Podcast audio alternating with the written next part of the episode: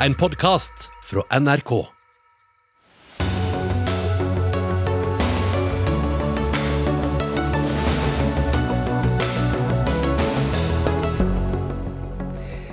Kina med stor militærøvelse på Taiwan etter at Nancy Pelosi ankom landet. Flere LO-forbund gir regjeringen tidsfrist for en ny og bedre strømstøtte, og Ap-ordførere krever støtte til næringslivet. Begge møter energiministeren til debatt i Dagsnytt 18. Norge må stenge alle norske havner for russiske fiskebåter, sier Norsk-ukrainsk venneforening. Havretten setter en stopper for det, svarer fiskeriministeren. Al Qaida-leder drept i droneangrep i Afghanistan, en merkedag for kampen mot terrorisme, sier forsker. Og leger er for slappe til å foreskrive fysisk aktivitet i stedet for medisiner, sier leder av Idrettsmedisinsk institutt. Det finnes ingen kvikkfiks, svarer Legeforeningen. Ja, velkommen til Dagsnytt 18 denne tirsdagen. Jeg heter Anne Katrine Førli.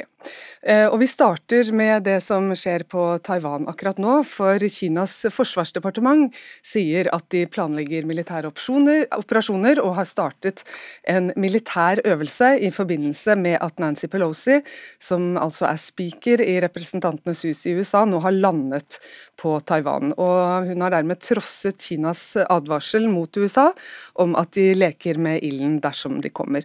Og Øystein Tunsjø, du er professor ved Institutt for forsvarsstudier.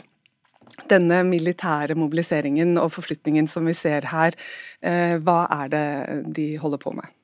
Nei, Mest sannsynlig så er det på en måte en, eh, et signal til Taiwan om kostnadene ved hva de har tillatt nå, da, at eh, Nancy Pelosi har besøkt øya.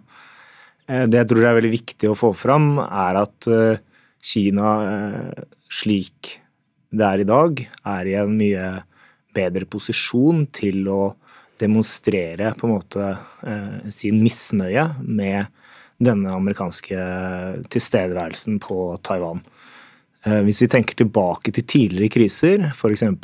krisen i 95 og 96 i Taiwanstredet, hvor de sendte av gårde noen missiler, men hvor de ikke hadde militære kapasiteter til til å sette i gang hva de nå er i ferd med å sette i gang. Både av sjøstridskrefter, av hær og av luft, eh, luftmakt. Så, så, så, det som har skjedd, er jo at øh, amerikanerne går jo nå og sier at vi fortsetter egentlig i det samme sporet. Det er ikke noe nytt ved dette.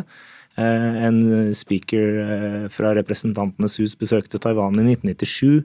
Mange kongressmedlemmer har besøkt Taiwan vi er på dette sporet. Det er, det er, på en måte budskapet både fra Pelosi og Det hvite hus nå. Men, eh, og det kan godt stemme, men poenget er at Kina er mye mektigere nå enn hva de var tidligere, og det ønsker de å demonstrere. Den amerikanske marinen utplasserer fire krigsskip, inkludert et hangarskip øst for Taiwan. Kina har også fly i nærheten. Det er militær aktivitet fra, fra begge parter her. Eh, hva, hva tyder det på? Nei, det er klart at amerikanerne vil ikke sitte stille og se på at eh, Kina mobiliserer til en slik øvelse, og i hvert fall ikke når de har i oppgave å beskytte eh, Nancy Pelosi og hennes delegasjon på Taiwan. Så det er klart at amerikanerne vil også signalisere at de er forberedt på en eller annen form for provokasjon eller en eller annen opptrapping av denne situasjonen. Mm. Men Kan dette besøket komme til å gjøre mer skade enn nytte for eh, Taiwan? Det kan det, eh, og det gjenstår å se i dagene som kommer eh, hva kineserne finner på. Det er jo allerede nå signaler om at et svært viktig selskap på Taiwan som produserer halvledere, er på en måte nå i ferd med å presses til å velge side mellom det kinesiske markedet og det amerikanske. Og det er, er en viktig industri for Taiwan og vil få store konsekvenser. For de av dere som følger oss nå på NRK1, så viser vi bilder av Nancy Pelosi som er kommet til Taiwan og er tatt imot av en delegasjon eh, der. Eh, som du sa, Tunsjø, så har hun sagt at dette besøket ikke innebærer en kursendring for eh, USAs politikk overfor Kina og Taiwan. Hva er det som skal skje nå under dette møtet? Nei, det er litt vanskelig å si, fordi dette har jo, selve møtet har jo vært hemmelig i seg selv, så selve agendaen er det ingen som er, er, på en måte informert om. Men det vi kan forvente, er jo at Pelosi vil følge opp det hun har sagt i sin uttalelse eh, nå når hun landet. Og det er det andre poenget. Det er at hun er der for å støtte Taiwan som et demokrati, og, og på mange måter da eh, bygge opp under det hun har kjempet for i lang tid, som er, eh, som er eh, en, en, støtte til demokratier og menneskerettigheter. Da kan du ta på deg hodetelefonene, Tunche. Vi skal ta med oss Therese Sollien, kommentator i Aftenposten. Du har bodd både i Kina og på Taiwan. Hvor betent vil du si at denne konflikten mellom USA og Kina er akkurat nå? Den er veldig betent, og det viser dette besøket i all tydelighet. Det faktum at det ikke skal mer til enn muligheten for et besøk før det blir nær krise, og at Xi Jinping advarer president Biden mot å leke med ild, det viser at Taiwan er spesielt viktig for Kina, og USA har å holde fingrene fra fatet. Hva tror du dette vil ha å si av politisk betydning framover? Jeg er usikker på hvor mye man skal legge av politiske føringer i det faktum at Pelosi velger å reise til Taiwan. Anthony Blinken, utenriksminister i USA, gikk tydelig ut og sa at dette besøket står for hennes regning. Dette er ikke noe Biden-administrasjonen stiller seg bak. Men det er klart, det vil nok eh, føre til mer oppmerksomhet rundt Taiwan-spørsmålet, eh, som om det ikke allerede var nok oppmerksomhet rundt akkurat det.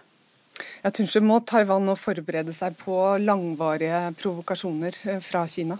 Ja, det tror jeg. Uh, og, Kina er fast bestemt på å gjenerobre Taiwan, som de ville si, eller på en måte få kontroll over Taiwan. Uh, de ønsker selvfølgelig å unngå å bruke militærmakt for å oppnå det målet, men hvis de må det, så vil de før eller siden mest sannsynlig bruke militærmakt for å uh, ta kontroll over Taiwan. og derav så vil vi også se mer av kinesiske militære øvelser, mer kinesiske provokasjoner opp mot Taiwan, mer diplomatisk press, mer økonomisk press osv. Hvordan er det sannsynlig at Taiwan vil, vil, svare på dette her? Vil de komme med noe erklæring på noen som helst måte? Jeg tror de vil være veldig forsiktige med det. Eh, fordi det vil kanskje da bli tolket nærmest som en krigserklæring i Beijing.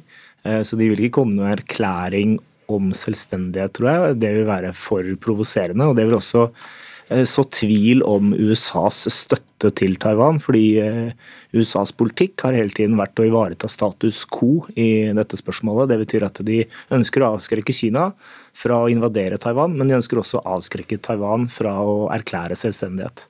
Vi har nå sett reaksjoner fra, fra Kina og USA eh, på dette. her. Hvordan, hvordan reagerer Russland på dette som skjer nå? Nei, Russland jo, og Putin har jo vært veldig tydelige på at de støtter uh, Kina i, i, dette spørsmålet. Uh, og det bør ikke være overraskende. Uh, Russland er jo avhengig på mange måter av en god relasjon til Kina, og de ønsker Kinas støtte i nåværende krigen i Ukraina. Så, så, her eh, kom ikke det som noen overraskelse at disse to landene støtter hverandre. Og det vil igjen forsterke det budskapet Nancy Pelosi kommer til å komme med i morgen, tror jeg. Som er at eh, hun er på Taiwan for å støtte demokratier mot autokratier. Og da ikke bare Kina, men også Russland. Ja, Sollien, hva tenker du rundt eh, Pelosis besøk her? Kan det komme til å, å, å, ikke være til en fordel for Taiwan at hun faktisk nå landet og dro på besøk til dem? Jeg tror det spørs hvem du spør. For taiwanere er det nok eh, en veldig flott ting at det kommer en så høytstående politiker og besøker Taiwan. Eh, Taiwan har jo nå de siste årene valgt seg en president fra partiet Min Jindang, Fremskrittspartiet, som er mye mer pro-Taiwan, som tidligere har ønsket eh, å, å, erklære selvstendighet. Det sier partiet at de ikke lenger skal gjøre. Eh, eh Nylige undersøkelser viser at 61% av taiwanere har et negativt bilde av Kina. Så litt eh, støtte fra høyeste hold i Amerika, det er nok kjærkomment.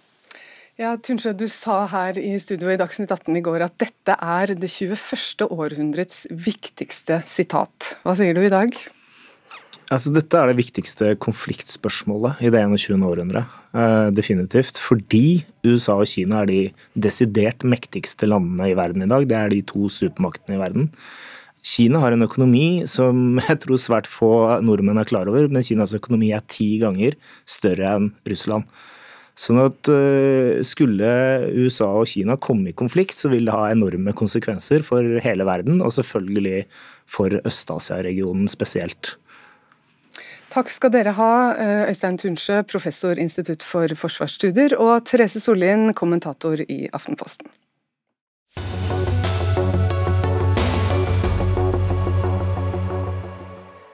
Så til strømprisene, som fortsetter å øke, og dagens pris blir sagt å være den høyeste siden 8. mars. I dag ga flere LO-forbund regjeringen en tidsfrist for å komme med nye og bedre strømtiltak. Og Arbeiderpartiordfører i to av Norges største byer går ut mot egen regjering og krever umiddelbar handling fordi tålmodigheten nå i både husholdninger og næringsliv er i ferd med å renne ut. Og Frode Alfheim, leder i Industri Industri Energi. Dere og Fellesforbundet har nå gitt eh, regjeringen en tidsfrist på ni uker for å komme med tiltak. Hva er det dere krever? Det er for det første at man kommer med ei eh, ny og forsterka eh, støtte til husstandene i Norge. Hva mener du med ny og forsterka? At man viser at går man ut og varsler at dette er en situasjon som kan vedvare, ja, så skal den støtta som ble innført i vinter, fortsette. Men så mener vi òg at den skal være forsterka. Eh, at eh, forbrukerne skal ha en klarhet i hva prisbildet skal være. Altså at de skal ha en totalpris å forholde seg til. Sånn at kanskje spesielt de med dårligst betalingsevne skal vite hva det vil Mener du da bety en, hverdagen strøm. makspris? Vi vet at regjeringen har sagt at de Nei, betaler vil, 90 vil, over 70 TWh. Skal bare ta med oss det. Ja. Fra 1.10 så har regjeringen sagt at de dekker 90 over der. Ja. Er det mer enn det dere Nei, jeg vil ha? Det at vi kaller for en totalpris, for at det skal skjermes at dette gjelder norske husstander, altså norske forbrukere. sånn at det ikke blir en en felles pris som gir en smittevirkning altså i forhold til, Men det 100 til den, dere har sagt i dag. den eksporten som, eh, som vi har. Altså, så det er de norske husstandene som denne støtten skal uh, nyttiggjøres. Men er det 100%? Eh, jo, jo, og det, det, er punkt to. Det er punkt to, Men at vi sier at er en totalpris og ikke en makspris, det er rett og slett for at uh, forbrukerne i Europa skal ikke ha den samme støtten som husstandene i Norge skal ha. Men fortsatt men mener du da, bare for å klargjøre det, ja. du sier at, at, det ikke er en makspris, men en totalpris. Men er totalpris. det dekke 100% over 70 ja, eh, men altså ingen pris over 70 øre. Det er det konkret vi har sagt. Og så regner jo jeg med at uh, når statsbudsjettet kommer, så skal ei mindretallsregjering forhandle med en opposisjon. Og jeg håper jo på et bredest mulig forlik. Og, og, da er 70 øre det er altså der jeg legger lest. Og det er jo rett og slett for at 70 øre har vært en referanse i, i den første Vi kan høre med Terje Aasland, olje- og energiminister, eh, med en gang. Vil regjeringen innfri dette tidskravet? Om man ikke kaller det en makspris, en totalpris går noenlunde ut på det samme, eh, innen fremleggelsen av eh, statsbudsjettet i oktober? La meg aller først si at Jeg deler mange av de bekymringene som Frode Alfheim eh, tar opp. Eh, og Det er mye usikkerhet nå blant mange, spesielt de med dårlig råd. Vi evaluerer nå strømstøtteordningen nettopp for å se om vi må forsterke den eller gjøre justeringer, sånn at vi treffer et bedre eh, punkt og gjør det mer sosialt rettferdig, den ordningen som er der.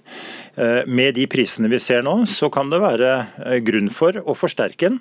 Eh, men som sagt, det er for tidlig å si noe om akkurat det nå. Men det regjeringen har vært veldig tydelig på, det er at så lenge vi har unormale og ekstremt høye priser som nå, så skal eh, støtteordningen eh, fungere og hjelpe husholdningene, sånn at den får redusert strømkostnadene sine, som er altfor høye og urimelig høye. Men et tidskrav som da er fremleggelsen av statsbudsjettet i oktober, det må du jo kunne si er mulig å få til? Ja, og Det skal vi få til, fordi det har vi allerede forplikta oss til. og Det er et naturlig tidspunkt å gjøre det på. Da vil vi ha eh, gått gjennom den ordningen sånn som man har fungert fram til nå. Sett hvordan innretningen har slått ut. Om det er usosiale eh, mønstre, trekkvenn, som bør justeres på. Eh, og eventuelt om det må forsterkes ut ifra det prisbildet vi da ser. Alt det vet vi mer om når vi nærmer oss framleggelsen av statsbudsjettet, og da er det riktig å gjøre det. Nå har Stortinget sagt, og den avtalen som eh, regjeringspartiene sammen med SV har fått til, med 90% dekning over 70 øre fra 1.10. Eh, den eh, gjelder. Og så må vi se om det er grunnlag for eh, justeringer. Jeg er fornøyd med svaret, Alfheim? Ja, jeg forventer ikke noe mer akkurat nå. Og syns jeg òg at statsråden peker på at det er et poeng vi, vi, kanskje glemmer litt av nå når at strømregningen er lavere enn der den var i vinteren som var, og den vinteren som kommer. Det at vi har en eksisterende ordning. Sånn at det er utenkelig at den ikke skal forlenges. Og jeg eh, har ikke lest én eh, uttalelse fra noe politisk parti som tilsier at den skal eh, ikke bli bedre. Sånn at jeg forventer jo at når man da legger fram forslaget til statsbudsjett, så er det både at man sier at det her forlenges så lenge vi er i den situasjonen vi er i, og at den kommer til å bli forsterket både i forslaget og i det som jeg håper blir et bredt forlik mellom regjering og, og, og Stortinget. Aasland, skal vi tolke deg dit hen ut fra det du sier, og det som også blir sagt fra Alfheim her, eh, at det blir en bedre strømordning enn det vi har nå, også med tanke på at strømprisene er høyere nå i juli enn det de var i vinter da ordningen ble innført? Jeg kan ikke forskuttere statsbudsjettet, men jeg kan forskuttere det at vi skal stå ved husholdningene og avlaste de ekstremt høye prisene som er nå. Og at det skal foregå i den utstrekning som eh, vi har unormalt høye priser som nå. Ja, skjønner, Det er så langt du kan gå. Vi må ta med oss Jan Oddvar Skisland, som er ordfører i Kristiansand. Sør-Vestlandet er spesielt, spesielt hardt rammet eh, av krisen, sier du. Kan du beskrive situasjonen for næringslivet i ditt område? Ja, Det er jo eh, en voldsom økning i strømprisene eh, fra det det har vært tidligere. Og så er jo vi i den situasjonen at eh, det er vel en ca. tredobling av prisene fra et år siden når det gjelder strøm generelt i Norge. Men i Kristiansand eller sør-region, så er det jo nesten en seksdobling av prisene fra i fjor på strøm. Og vi har jo ikke den kompensasjonstypen for næringslivet som vi har for eh, privatpersoner eller for husholdninger. Og det er nå i ferd med å Eh, å utfordre bedrifter fra eh, små en-, to-, tremannsbedrifter til de store eh, industribedriftene våre på en måte som gjør at vi virkelig er redd for hvordan dette går. Dere er jo flere ordførere som skal i møte med Arbeiderpartiet i kveld, og sannsynligvis kommer til å ta opp dette her. Men nå har du, har du ministeren her og kan si det direkte til ham. Hvilke krav er det du tenker er naturlig nå at regjeringen innfrir? Nei, Det er klart at det, dette med restriksjoner og kontroll på eksport er viktig. Eh, magasinfylling, som også har vært trukket fram fra både ministeren og regjeringa ellers, er viktig. Men dette er nok mer eh, langsiktig effekt. Det vi trenger nå er rett og slett en strømstøtteordning. Altså, vi har bedrifter hos oss som har fått 10-15 dobla strømregningene sine. Så dette går ikke. Det er liksom og blir lett å bruke veldig store ord her, men det, det brenner skikkelig nå. og det er klart Nå er det Sør-Vest-regionen som har endt opp med å være i en situasjon hvor vi er bortimot eh, dobbel pris. Og dette, kan, dette klarer ikke bedriftene å håndtere over tid. Hvordan skal du slukke denne brannen, Terje Aasland? Aller første det Sisland tar opp, så, så, dette med eksportrestriksjoner og magasindisponering, det er jo sagt gjennom sommeren at dette er noe vi vurderer. Og Vi er forberedt til å iverksette tiltak som gjør at en kan håndtere det. Både forholdet til magasindisponering og eventuelle eh, eksportrestriksjoner. Eh, og så er det dette med prisene. Der har vi foreslått nå en fastprisavtale som gjør det gunstigere for, eh, for industri og næringsliv til å tegne langsiktige kontrakter. og Da er det opp til kraftprodusenten å levere på det. Men jeg forstår det behovet Skisland eh, påpeker. Og næringsministeren vurderer dette opp mot ulike typer næringer. Så det kan være ulike typer kombinasjoner fram til en eventuell fastprisordning trer i kraft. Men sier du nå at det skal være opp til kraftselskapene å sørge for at disse næringene klarer seg? Nei, men når vi endrer grunnrenteskatten, så kan kraftselskapene inngå eh, direkteavtaler og bedre avtaler med næringslivet. og Det er en viktig forutsetning for å skape mer stabilitet, mer forutsigbarhet. Og Det er viktig at også eh, kraftprodusentene bidrar til det når staten endrer rammebetingelsene for kraftprodusentene. Nettopp for at de skal kunne imøtekomme og ivareta det som er kvaliteten med det norske kraftsystemet. Det er at vi skal kunne bygge næringsliv og industri på den krafta som er tilgjengelig. Vil dette hjelpe noe, mm, Skisland i Kristiansand? Det kan godt være det vil hjelpe, men det er jo det at vår region har så mye dyrere kraft i utgangspunktet. Altså Forholdet mellom tilgang og, og etterspørsel her gjør jo at vi, vi kommer i en helt spesiell situasjon. Eh, så da tror jeg at det er veldig vanskelig å komme utenfor en eh, strømstøtteordning. Eh, noe i retning av det som gjøres for husholdninger. Rett og slett for å redde mange bedrifter som nå, nå lever helt i grenseland for hvor lenge de klarer å, å holde seg flytende. Alfheim vil gjerne inn på den. Ja, jeg bare følger opp. Altså For husstandene har vi allerede etablert en ordning altså, som vi skal bygge videre på.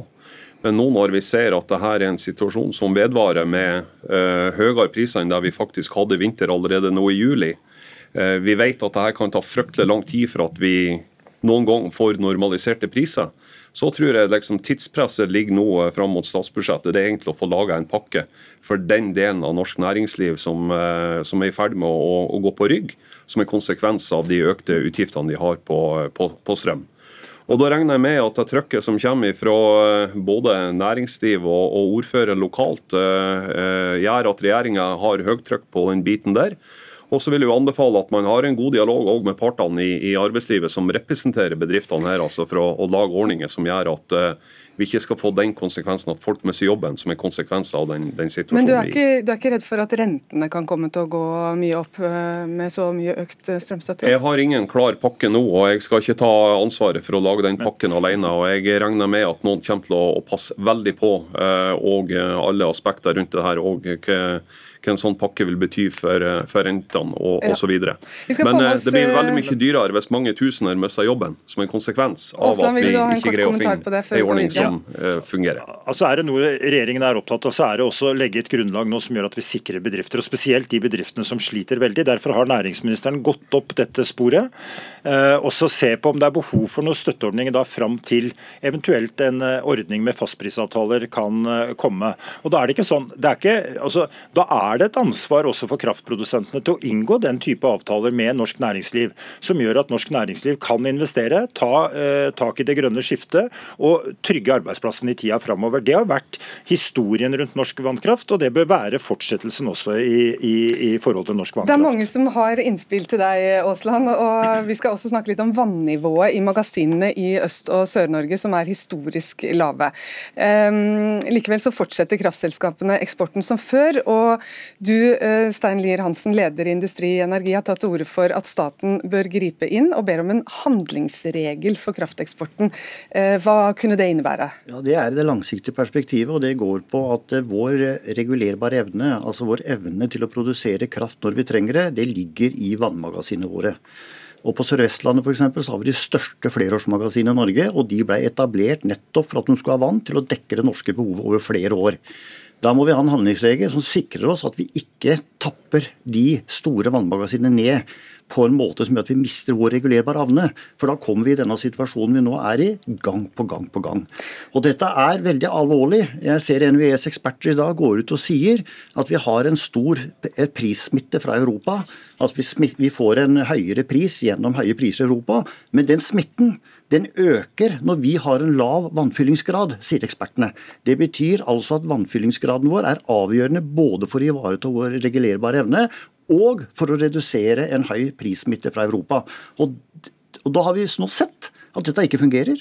En, en selger skjorta av kroppen. altså En tapper ned vannet vårt, så at vi ikke har den regulerbare evnen vi trenger. Og det blir jo mye verre til vinteren enn det vi opplever nå. Det vi åpner til i dag, er jo bare småting mot det vi opplever i vinter. For det, er ikke et regnvær i verden som kan endre denne situasjonen. Det er snøsmeltinga og mengden av snø om vinteren som avgjør hvordan og hvor raskt vi klarer å fylle opp disse magasinene. Sånn at vi må nå begynne med langtidsplanlegging. Og jeg er helt sikker på at statsråden og eh, vannkraftprodusentene klarer å bli enige om en handlingsregler som beskriver hvordan en skal håndtere og husholde med dette vannet på en måte som både tjener Norge, og som også sikrer at vi kan eksportere når det virkelig er behov å hjelpe våre naboland. Og Min analyse støttes nå av britiske eksperter, som sier at det er best for Europa og UK om Norge nå begrenser strømeksporten og klarer å bygge opp regulerbar kapasitet på Sør-Vestlandet, som er det viktigste området i Norge når det gjelder vannkraftproduksjon. Ja, Terje Aasland, eh, vi har jo handlingsregel for bruken av oljepenger. Kan vi ikke ha det på dette området også? Jeg syns dette er et spennende forslag. og Før eh, sommeren eller før ferien så starta vi et utredningsarbeid eh, og, og, og fikk, skal ha opp vurderinger på dette, både med dette med bruk av magasinene, hvordan vi kan eh, eventuelt regulere dette tightere, spesielt i situasjoner som vi opplever nå, og knytta opp mot eksporten. Og Vi er forberedt på å iverksette tiltak som nettopp er i tråd med eller i likhet med det som Stein Lier-Hansen tar opp her. Vi trenger å forsikre oss. og jeg er helt enig også, Dette er ikke et engangstilfelle, men vil være vedvarende, en vedvarende situasjon hvis ikke vi håndterer det nå. og Derfor er det viktig at vi gjør de riktige tiltakene og gjør det på en riktig måte. og Det er de, det er de flerårsmagasinene som er viktige å, å, å, beskytte nå, sånn at ikke de blir tappa ut og svekker oss i åra som kommer. Det virker som om dette er noe vi bare burde innført allerede? Ja, for Det er to ting som er viktig å fastslå. Norge har ikke noe backup utover magasinene våre. Vi har ikke kullkraftverk kan fyre opp, vi har ikke oljekraftverk. Det har resten av Europa. Og Det andre er at det er egentlig vannet som er ressursen. Det er vannmengden som er vår ressurs. Og mitt poeng er at den er det full sjølråderett. Norge er helt suverene til å bestemme hvordan en skal disponere vann i sine egne vannmagasin. Så, så det er liksom et, et, en metode å gjøre det på som jeg syns er bedre enn å begynne å reforhandle avtaler og dilldall. Det, det, stiller, altså det, det er mye mer utfordrende i forhold til EØS-avtalen. Og industrien er avhengig av to ting. Vi trenger grønne elektroner til en fornuftig pris, og vi trenger fri adgang til EØS-markedet. Og Da må vi velge den metoden som er best. Og så trenger vi jeg skal bare avslutte raskt, vi trenger også et kortsiktig tiltak, som Fellesforbundet Industri Energi sier, fordi at vi kommer til å leve med denne situasjonen i minst to år. Og da må vi ha tiltak som nå raskt redder de små og mellomstore bedriftene som er i ferd med å gå over ende pga. at de har nesten tidobla eh, utgiften til elektrisk kraft eh, fra det normale og til det året vi nå er inne i. Og det det er en viktig del av norsk næringsliv, også en viktig del av det grønne skiftet. Så her må regjeringa handle raskt. Vi skal snakke om Mongstad, men bare høre med deg, Aasland. Er er du enig i det? Heller dette forslaget enn å reforhandle eksportavtalene med Europa? Som jeg sa, jeg syns forslaget er eh, spennende eh, og har mye for seg. og Vi har starta det arbeidet allerede med å se på den type reguleringer.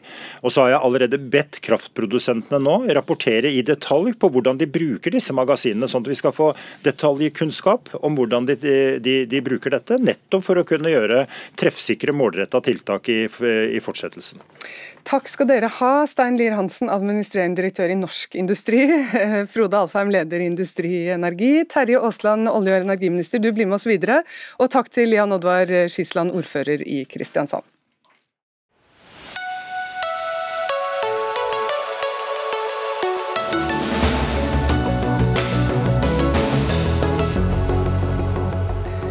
Da gasskraftverket på Mongstad i Nordhordland ble vedtatt å legges ned i 2017, jublet mange over at utslippsverstingen skulle bli borte. I dag, med kraftkrise i Europa, er det mange som tar til orde for å beholde gasskraftverket, også etter 31.8 i år, som da er dagen eh, for nedleggelsen av kraftverket. Regjeringen sier at de venter på en utredning fra Statnett, selv om Statnett i dag gikk ut og, og, sier at de mener Equinor bør utsette denne nedleggelsen. Og Dette reagerer du på, Marius eh, Arion Nilsen, stortingsrepresentant for Fremskrittspartiet. Hva er det du etterlyser fra regjeringen her eh, nå? Det var jo nå en eh, gledens nyhet at Statnett eh, på nytt gikk ut i dag og sa at eh, man burde opprettholde driften her. Men det har de tidligere gjort òg. Allerede i juni gikk man ut og sa at man burde forlenge driften. Og regjeringen fikk her det som burde vært den enkleste sak siden de tiltrådte regjeringskontorene. Og det er jo å fortsette driften av gasskraftverket på Mongstad fram til denne utredningen kommer i oktober. Det, det burde være den enkleste sak av verden å forstå at man bør videreføre gasskraftverk i den krisen vi står i nå. Men Equinor har jo tidligere sagt at de ikke ønsker å betale for driften av dette anlegget mer. Eh, er det da deres ansvar å sikre kraftberedskapen i Norge, eller mener du at det er regjeringen som skal betale for videre drift? Det er en kombinasjon. Det er jo regjeringen som er regulerende og styrende myndighet. Eh, det bør i så fall være det.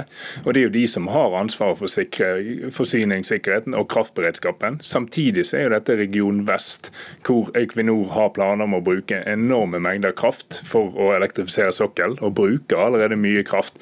Så det er jo en egeninteresse for de å opprettholde forsyningssikkerheten der. Det koster de vesentlig mye mer hvis man må drive kraftrasjonering, kontra da å bruke litt penger på å holde holde dette gasskraftverket i drift, som vil redusere den risikoen. Ja, Terje Aasland, olje- og energiminister for Arbeiderpartiet, du er fortsatt eh, med oss. Må høre først med deg da, Er du enig i at vi trenger videre drift på gasskraftverket på Mongstad, eh, i lys av den eh, kraftkrisen vi er inne i nå? Mye tyder på det, og derfor har også Statnett bedt om at Equinor uh, sørger for at ikke det blir lagt ned uh, før 1.10, sånn at de kan se alt i en sammenheng. Uh, og De sier også at dialogen mellom Statnett og Equinor er god. Og Med det som Statnett har gått ut med i dag, så er det mye som tyder på at det kan være behov for å ha dette som et sakstiltak. Men det er viktig at det er Statnett som har ansvaret for dette. Det er de som må på en måte håndtere disse og komme med forslagene på disse tiltakene, så er det vi som beslutter disse. Og jeg mener at da er det den naturlige prosessen, det som pågår nå, det mener jeg er riktig. Og det er viktig at vi forholder oss til det også i fortsettelsen. At ikke det er sånn hopp og sprett, hvor en i 2018 med Høyre og Frp i utgangspunktet ga konsesjon til at en kunne rive eh, kraftverket på Mongstad, mens de nå vil opprettholde det. Det er viktig at vi har et godt system og et stabilt system på dette, og at dette håndteres mellom Statnett og Equinor er helt riktig. Ja, Arion Nilsen, hva sier du til dette? Han er enig med deg, vi må videreføre det. Ja, Det er jo veldig bra å høre. Det er jo en beslutning de burde kommet til for lenge siden. For det, den, den, Fristen de ga, den var jo etter at kraftverket skulle legges ned. Og så er det riktig det Tidligere beslutninger er jo gjort på de forutsetningene som var da. Nå er man i en kraftkrise, man er i en energikrise over hele Europa.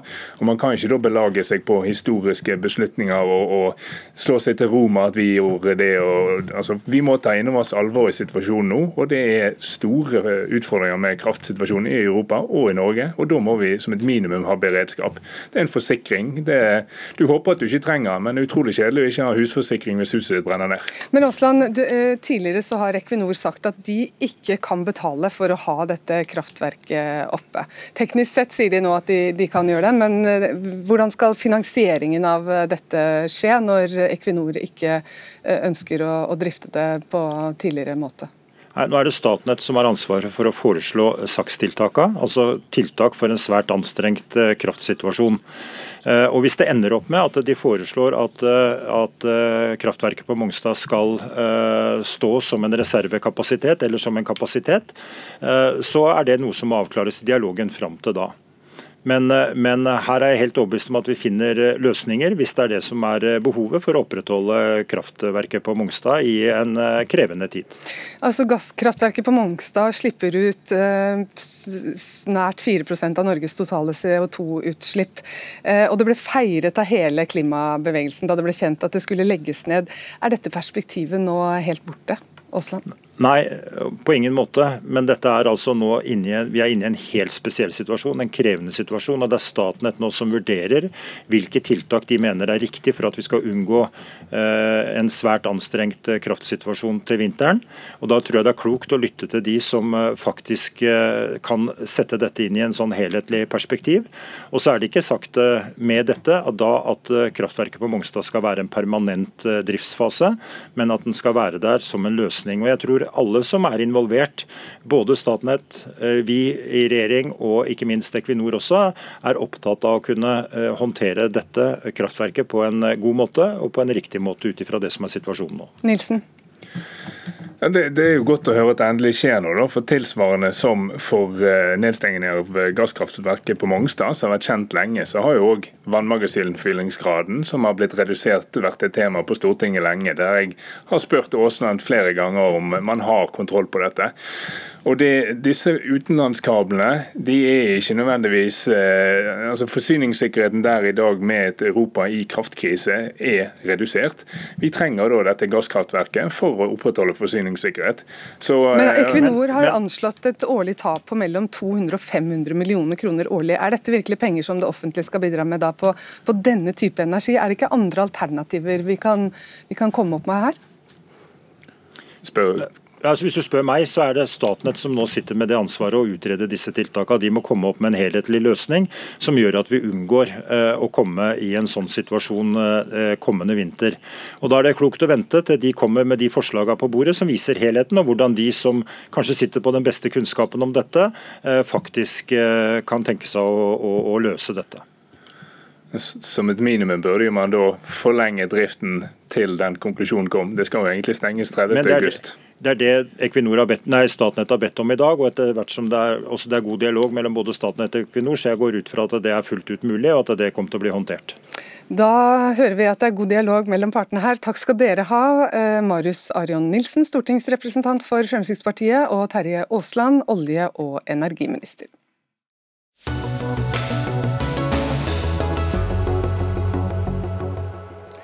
Nordmenn går stadig mer opp i vekt, og mange strever med den berømte dørstokkmila. Løsningen på problemet er billigere enn mange tror. Det er ikke nødvendig med dyre legemidler for fysisk aktivitet. Ehm, for fysisk aktivitet er medisin, og det bør legene gi på blå resept. Det skriver du i en ytring på nrk.no, daglig leder ved Volvat, Norsk eh, idrettsmedisinsk institutt, Sebastian Kvarme. Du sier at Legeforeningen sår tvil om effekten av fysisk aktivitet som behandlingsmetode. Hvordan gjør de det? Ja, jeg skrev her, det her innlegg uh, som et svar på Legeforeningen uh, utsagn som kom i Dagsrevyen. Uh, og Legeforeningen det er mer enn en fagforening uh, for deres medlemmer. Legeforeningen det er også en veldig viktig folkehelseaktør. Det er deres medlemmer Øh, fastlegene som møter pasientene og behandler deres livsstilssykdommer. Men er det, ikke mange, er det ikke mange leger også som anbefaler nettopp det, da, fysisk aktivitet?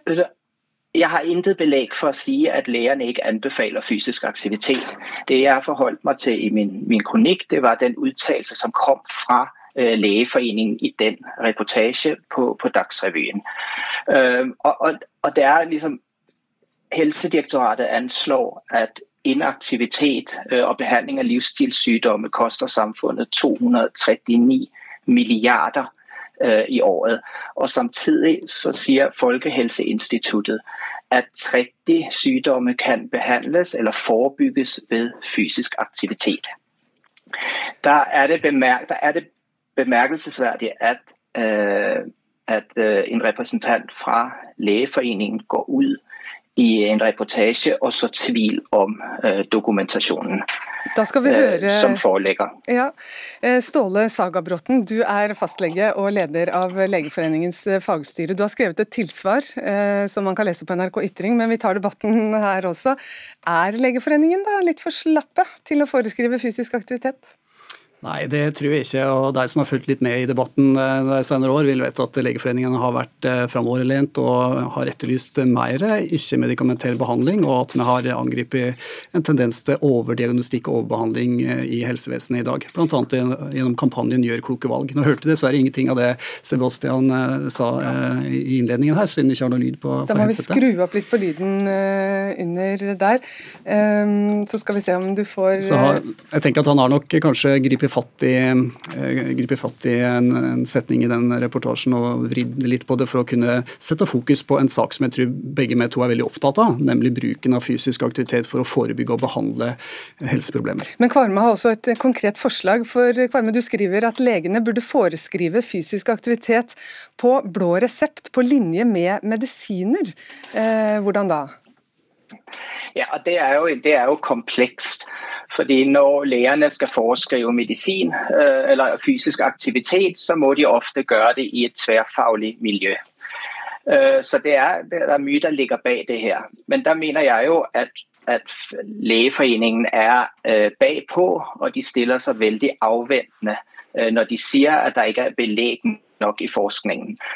Og ja, der er færre studier på at fysisk aktivitet det, øh, det, har en effekt som behandlingsmetode.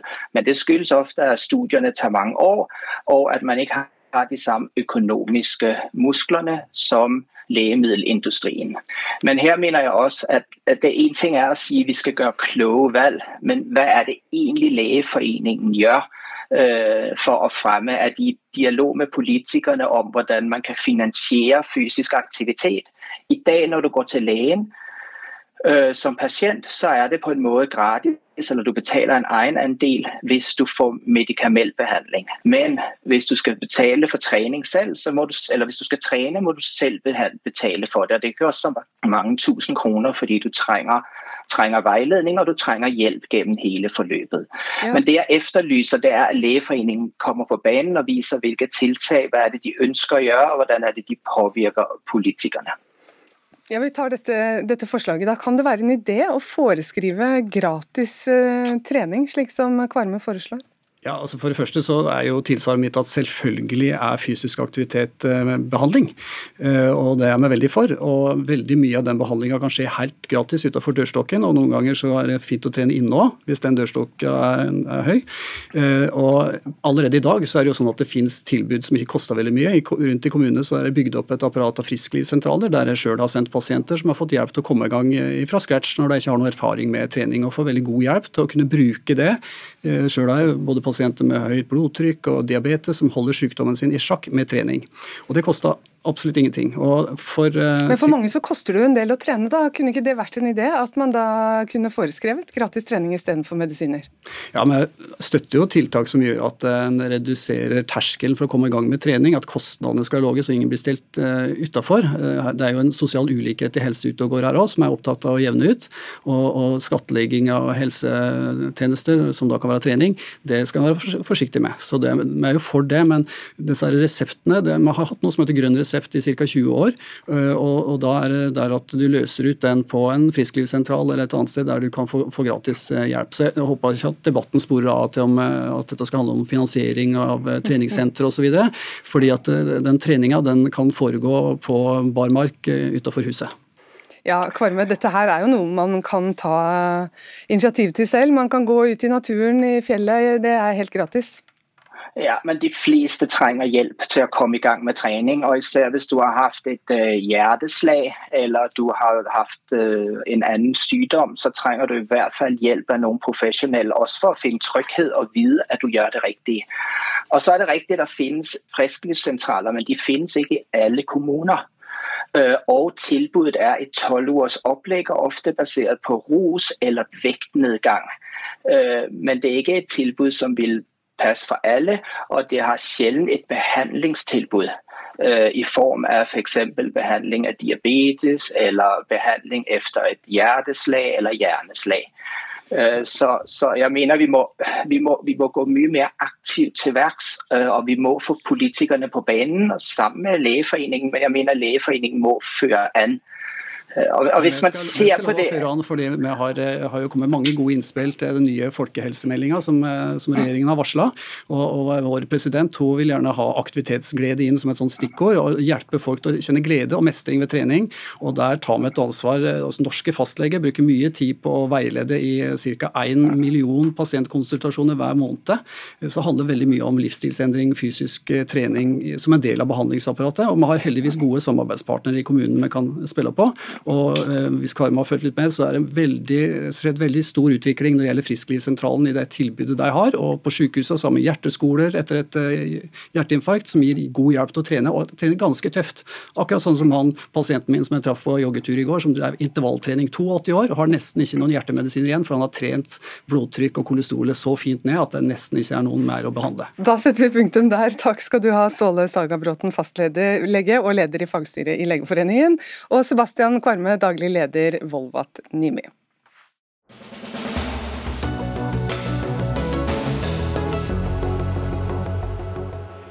I natt norsk tid kunngjorde USAs eh, president Joe Biden at eh, Ayman al-Sawahiri, lederen av terroristorganisasjonen Al Qaida, var død. Og al-Sawahiri skal ha blitt drept av en amerikansk drone mens han sto på balkongen i familiens hus i Kabul, og det skal ha skjedd uten eh, sivile tap.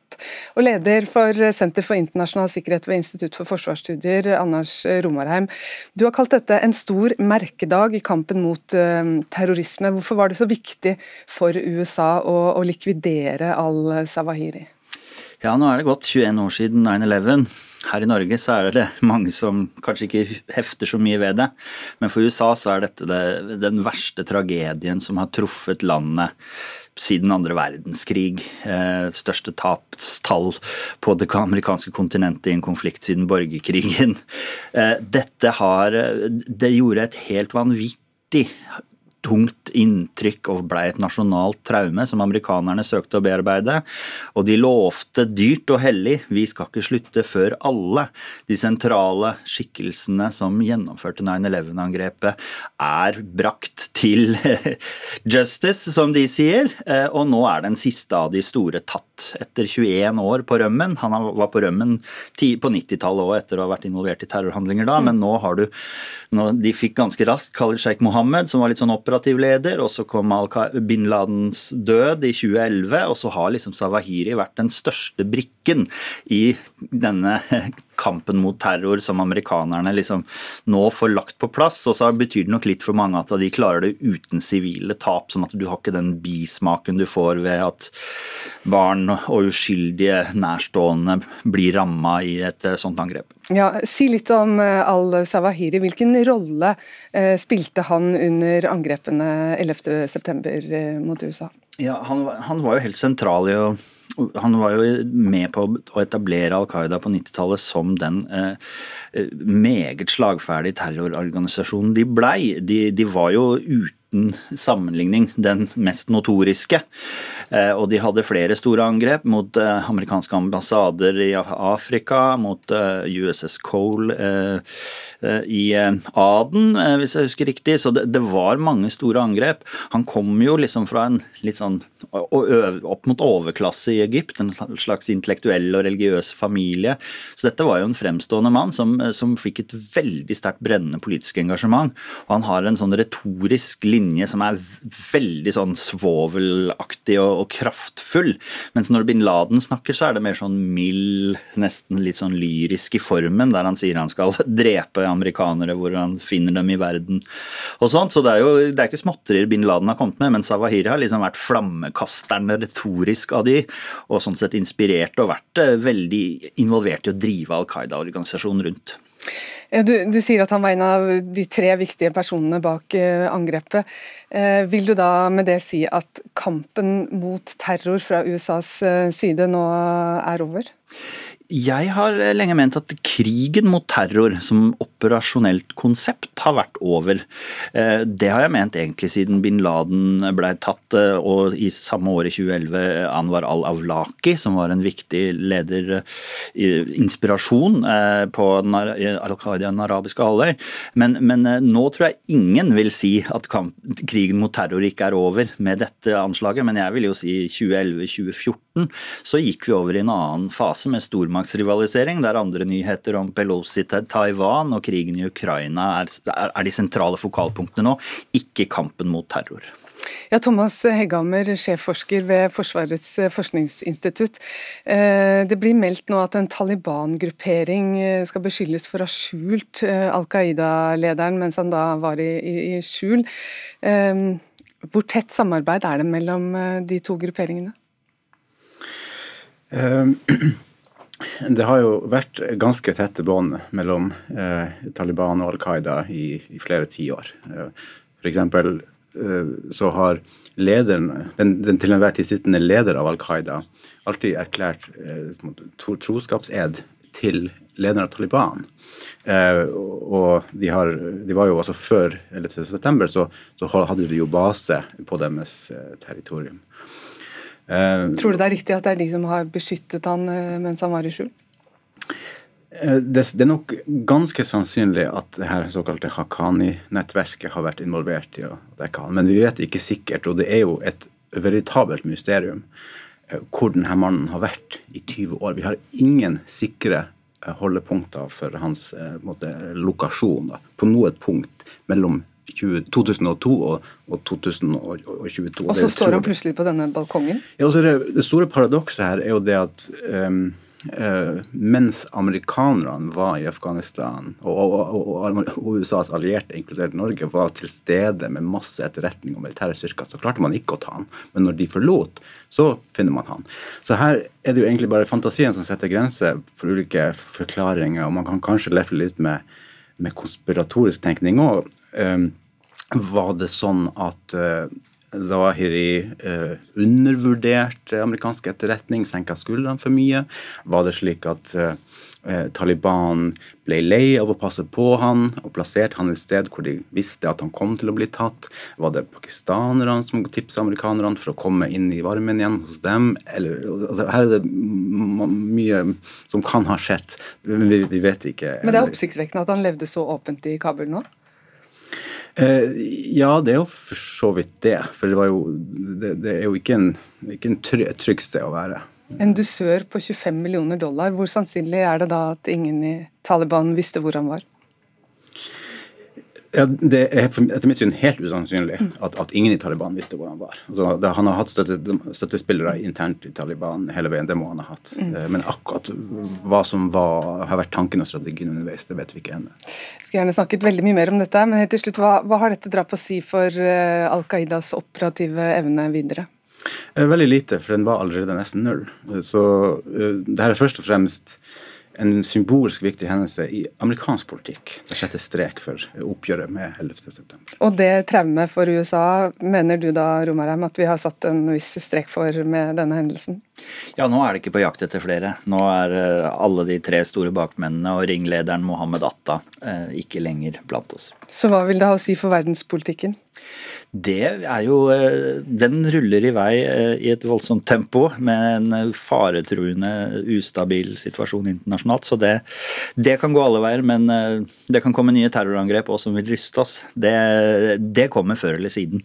Tusen takk skal dere ha, Anders Romarheim og Thomas Hegghammer.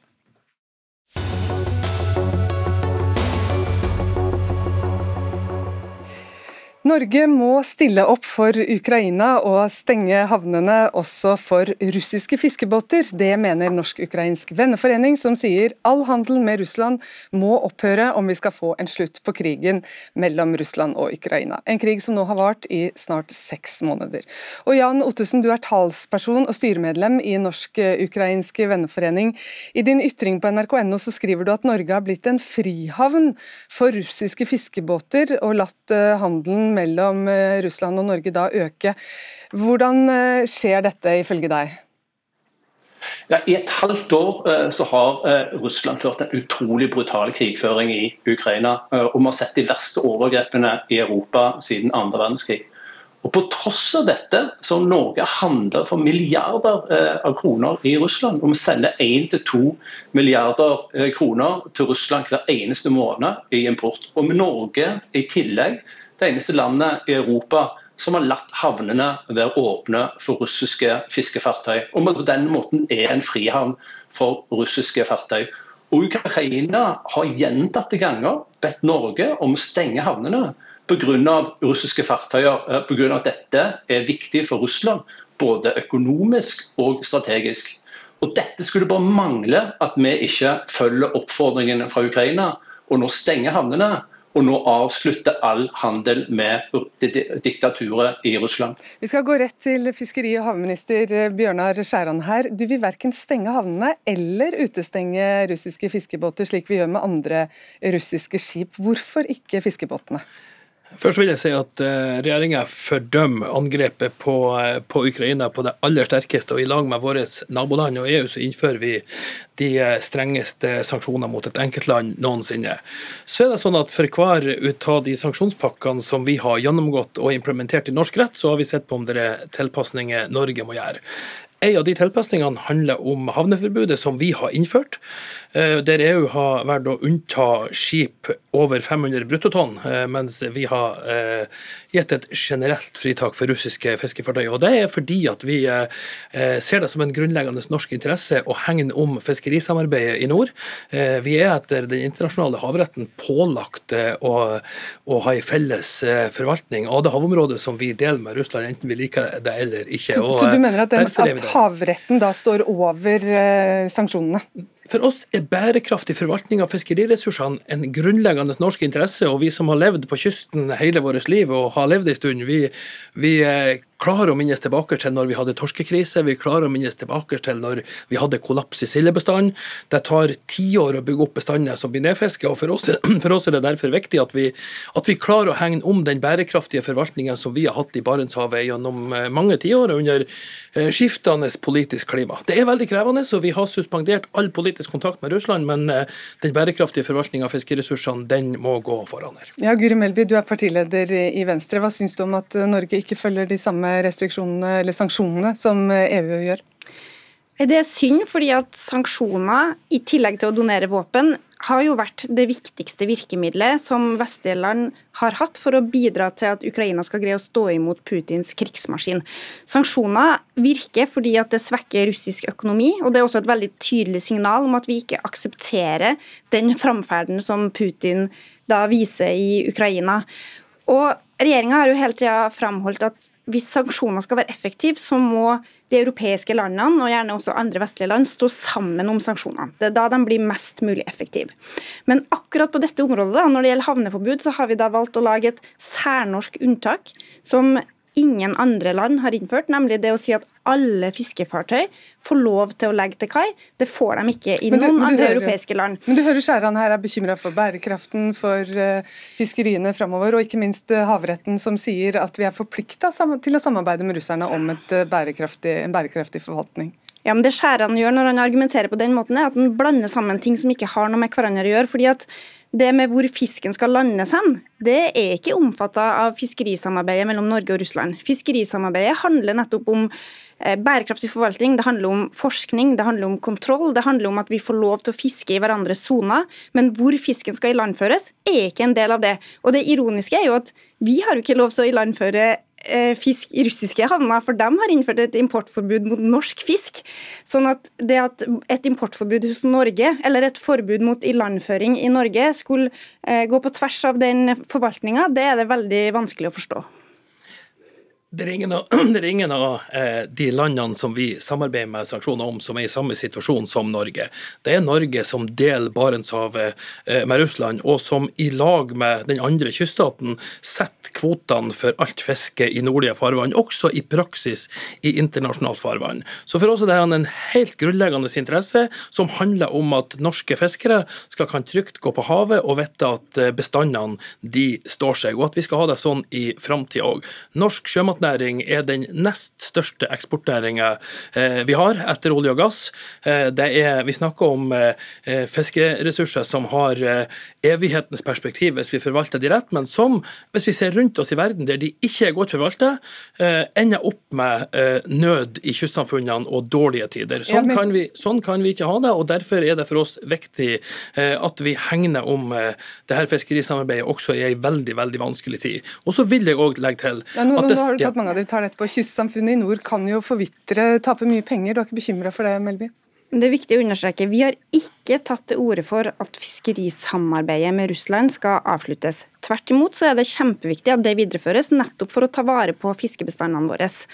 Men så er det klart, vi må være ærlige på at dersom vi innfører et totalt havneforbud, slik andre EU-land har gjort, så vil det ha en pris, det vil ha en kostnad. Krigen i Ukraina har svært høye kostnader for veldig mange. Dette var Jens Stoltenberg blant annet veldig tydelig på da han talte for noen eh, politikere i Europaparlamentet for et par uker siden. Men hvis vi ikke det, har et unntak da, for fiskeriene, så vil jo det kunne få konsekvenser? Ja, Det er ingen tvil om at det vil få konsekvenser. Men da mener, altså det her handler jo om altså Krigen i Ukraina har store konsekvenser hver eneste dag. I Ukraina så må folk bøte med livet. I andre europeiske land har det også store konsekvenser, f.eks. høyere energikostnader, høyere matkostnader. Og Hvis det er sånn at Norge skal be om unntak fra et av de få sanksjonene som virkelig rammer oss, så mener jeg at vi svikter den solidariteten som vi har sett i Europa i forbindelse med denne krigen.